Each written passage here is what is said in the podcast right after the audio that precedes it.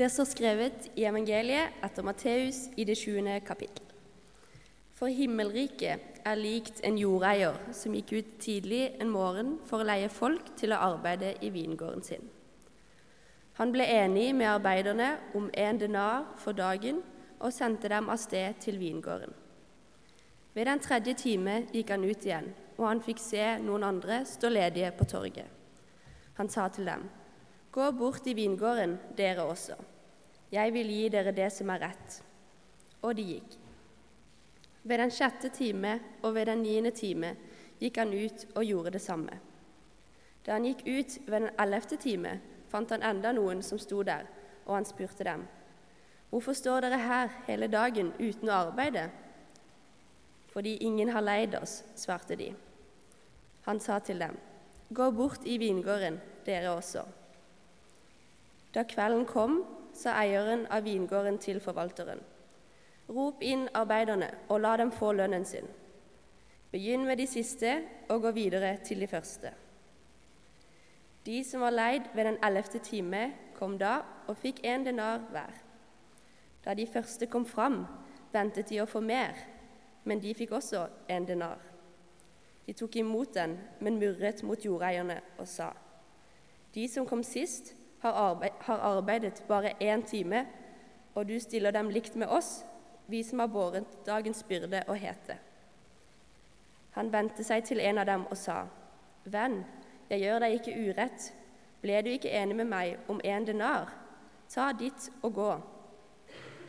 Men jeg vil gi ham som kom sist, det samme som deg. Har jeg ikke lov til å gjøre som jeg vil med det som er mitt? Eller ser du med det onde øyet på at jeg er god?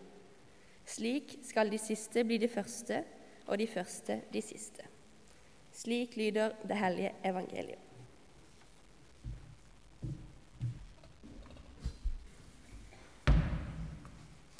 Har du gått på barneskolen, du òg? Og så kom vi til i friminuttet der du skulle spille. Skulle vi begynne med å velge lag? Og det gjaldt å prøve å få det beste laget. Og På min skole så var det de som gikk på Vadmyra idrettslag. Det var de du ville ha på laget ditt. Så ble én etter én valgt. Og en til. Og så kom jo eh, etter hvert til å bli tynnere og tynnere rekkene. Og jeg var jo ikke like god i fotball, og det visste jo alle. Så jeg opplevde en del ganger å bli stående igjen helt til sist. For jeg var den ingen av lagene ville ha. Og Så kan dere tenke å nei og nei, dette er sikkert ditt livs traume. Nei, det er det faktisk ikke. For vi skulle jo ha likt antall personer på hvert lag. Så helt til slutt så fikk jeg jo faktisk være med. Så ubehaget det var til å leve med, selv om det ikke var spesielt gøy å stå igjen helt til sist. Men det ble jo alt sånn. Kom igjen, nå spiller vi. Og så var vi i gang. Men sånn som dette her er jo ikke alltid livet. Noen ganger så blir vi av ulike grunner stående igjen som de siste. Og tanken melder seg selvfølgelig. Ingen vil ha meg, ingen har bruk for meg. Det er en veldig ubehagelig tanke. Kanskje kan vi faktisk alle her kjenne oss litt igjen i de som sto den ellevte timen ved torget, og ingen hadde valgt dem. Fortellingen her for meg peker i retning av et spørsmål som jeg vet mange unge er opptatt av og stiller seg. Finnes det en plass for meg? Jeg liker dramatisk effekt, så dette var sikkert avtalt. så det er veldig bra. Takk. Kanskje var det den telefonen vi hadde ventet på. Det er noen som trenger meg. sant? Det kan være den. Men er det en sammenheng der noen trenger meg? For Jeg kan i hvert fall si at jeg som godt voksen jeg trenger at noen trenger meg. Jeg ønsker å være noe for noen, og jeg vil gjerne bidra. Og det tror vi har på tvers av generasjoner felles. For det er et grunnleggende behov. Det handler ikke bare om å være ung. Det handler om å være menneske. For jeg møter akkurat det samme hos mamma Mamma hun er 85 år. Hun er ikke noe ungdom lenger. Hun har alltid vært vant til å gi en hjelpende hånd til andre. En håndsrekning. Og nå så har hun måttet lære å ta imot en håndsrekning fra andre pga. ulike begrensninger som hun har. Men hun vil så gjerne bidra. Hun sier til meg det er vanskelig å ta imot hjelp uten å ha noe å gi tilbake. Og jeg skjønner det jo. Og Det har hun til felles med mange unge mennesker som f.eks. mottar dagpenger eller andre ytelser. Det er viktig for hvordan han har det med seg sjøl å være til nytte. Det å gi noe tilbake. Der kan de forstå hverandre, en på noen og tyve og mamma på 85. Og så har meg og min bror vi har måttet snakke med mamma mange ganger når vi kommer til det punktet, for det dukker opp igjen med jevne mellomrom.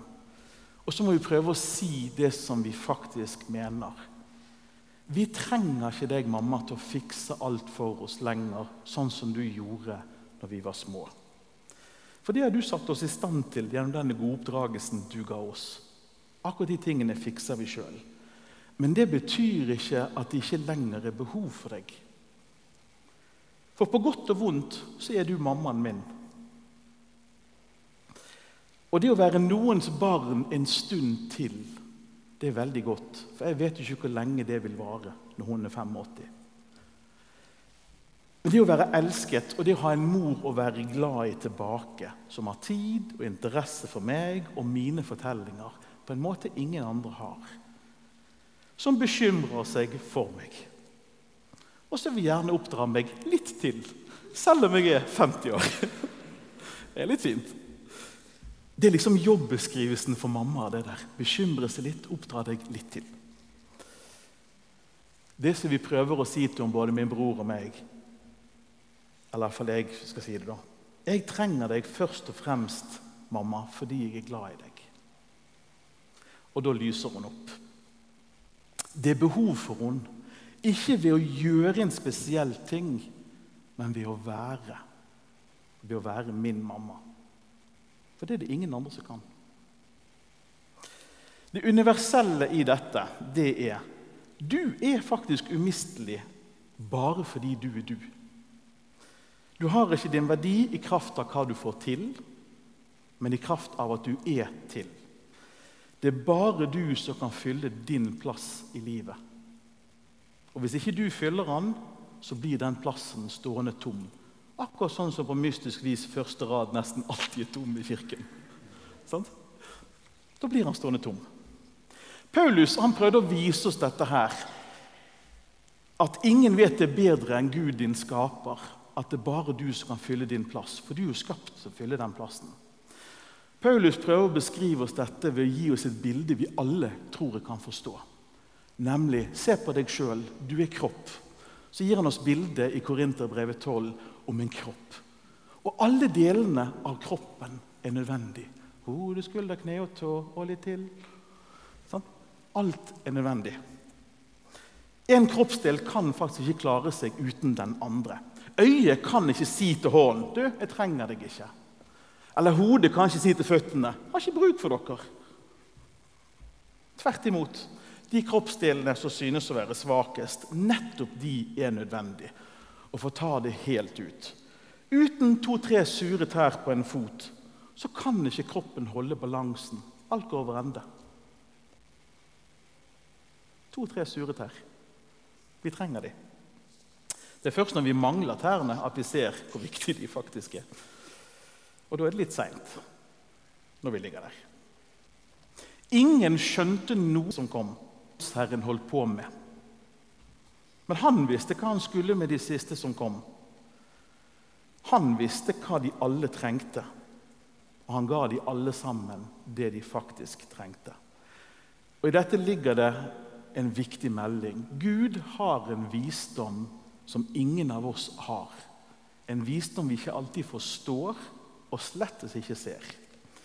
Det kan høres lettvint ut av meg når jeg sier det jeg gjør nå, men jeg tror at alt annet enn noe lettvint som ligger i det denne visdommen som vi faktisk må til Gud for å få. Kroppen som bilde viser nemlig noe viktig, som fortellingen som vi fikk på skjermen, viser. Hele kroppen må med. Vi kan ikke klare oss uten en arm egentlig så godt. Men det er ikke alltid at vi forstår hva det er Gud trenger oss til, eller hva Gud trenger andre til. Eller at vi i hele tatt får til å få alle sammen med. Vi prøver veldig ofte her å få alle med, men vi klarer det jo ikke. Men vi forsøker med utgangspunkt i bildet. Det er derimot ikke det samme som å si at det ikke er plass for meg eller bruk for meg, at ikke vi forstår hva Gud har tenkt for oss. Det er ikke det samme. Visjonen vår i St. Jakob har dere kanskje hørt. Vi bygger fellesskap, vi skaper kultur, vi søker Gud. Men akkurat som i teksten skal det første bli det siste, og det siste bli det første. Så det siste i versjonen vår er jo egentlig det vi alltid starter først med. I alt arbeid med å bygge fellesskap så er startstedet å søke Guds visdom i hvem og hva og hvordan og når og alle de andre spørsmålene som er viktig når vi skal bygge et fellesskap. Jeg lærte da jeg var 16 år på lederkurs før du snakker med et menneske om Gud, snakk med Gud om det mennesket. Jeg tror på den setningen der fremdeles. Det begynner fellesskapsbyggingen i Gud. Det er Gud som har visdommen. For Da kan Gud peke på de kandidatene kanskje, som vi ikke har sett eller tenkt på i det hele tatt når vi bygger fellesskapet vårt. Og Det kan skje ved at noen får frimodighet, f.eks. her i forsamlingen, til å foreslå et navn til en oppgave. Eller til et eller annet man har lyst til. Ja, kanskje til og med kan frimodigheten bli så stor at den personen foreslår sitt eget navn. Her er jeg. Bruk meg. Gud kan nemlig kalle oss når vi ikke engang tror på oss sjøl, sånn som han gjorde med Moses, som tenkte jeg kan ikke snakke skikkelig for meg. Du kan jo umulig sende meg. Og hvem var det Gud sendte? Jo, Moses. Husk at disiplene de ville trolig aldri vært valgt av noen andre enn Jesus til å være førstevalg. For der alle ser håpløse spillere, der ser Jesus et fantastisk lag. Og hvem hadde rett? Jeg bare spør. Vi sitter her i dag, for det første laget var faktisk kjempebra. Men de var fullstendig feilbarlige alle sammen, og likevel fullt brukende. Så når tanken kommer 'ingen har valgt meg', så husk det Jesus sa til disiplene, for det er ord til oss også. Vi begynte semesteret med disse ordene. Dere har ikke utvalgt meg. Jeg har utvalgt dere til å bære frukt, en frukt som varer. Nåden deles ut hele tiden uten at vi ser det, uten at vi får det med oss i det hele tatt. Og Utdelingen av nåden begynte lenge før noen hadde tenkt at vi skulle være til. Ja, det, vil si, det kan være Gud allerede den gang hadde tenkt at vi skulle være til. Det vet jeg ikke. Men det er en tanke jeg liker å tro. Dagens tekst den handler ikke om en vingård og profitt. Det høres jo sånn ut, men det gjør ikke det. Dette er en non-profit-virksomhet, og det er labor of love. Det er det det handler om. Det er et kjærlighetsforetak som kalles Guds rike. Det er det det egentlig handler om et bakvendt land som er fullstendig annerledes enn det samfunnet vi kjenner. For himmelriket er ikke noe som er bare der fremme. I Matteusevangeliet gjentas det gang etter gang himmelriket her og nå. Det vi tar del i å bygge her, er faktisk en del av det riket som er i ferd med å bryte gjennom. Det er både der fremme og her og nå. Og vi sitter midt i det. Det er der vi inviteres til å være med og bygge, om så bare med noen minutter på slutten av en arbeidsdag. Noen viktige sekunder. Det er et sted hvor prinsippet ligner på yt etter evne, motta etter behov. Det ligner litt på det. Det er et gammelt slagord i Norge. Noen ganger handler det om vi skal bare være den vi er, uten å gjøre noe som helst. Det har en verdi i seg sjøl bare å være. Og Jesus kaller oss noen ganger ikke til arbeid. Noen ganger kaller Jesus oss til å hvile. Kom til meg, alle dere som strever og bærer tunge byrder, så vil jeg gi dere Det kan være du er kalt til å hvile også. Det er også et kall. Himmelriket rokker ved tanken på om at alt skal være fortjent. Heldigvis. Og vi har fått lønn på forhånd. Har du tenkt på det? For Noen av oss startet det en gang ved en døpefont. Fikk himmelriket allerede der som løfte. Hver gang vi går til nattverd, så får vi Jesus i magen. Vi har fått lønn på forhånd. Hver gang vi hører ord om tilgivelse og nåde, så har vi allerede fått det før vi hører det. Vi skal ikke arbeide for å fortjene Guds kjærlighet. Den er allerede gitt helt ufortjent. Helt ubetinget. Det har ingenting med fortjeneste å gjøre i det hele tatt. Det handler om å spre kjærligheten til flere, fordi verden trenger kjærlighet. Det er det prosjektet vi deltar i.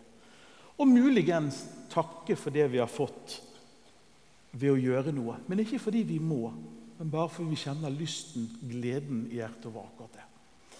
På ballen min så her så er det hjerter. Et tegn på kjærlighet.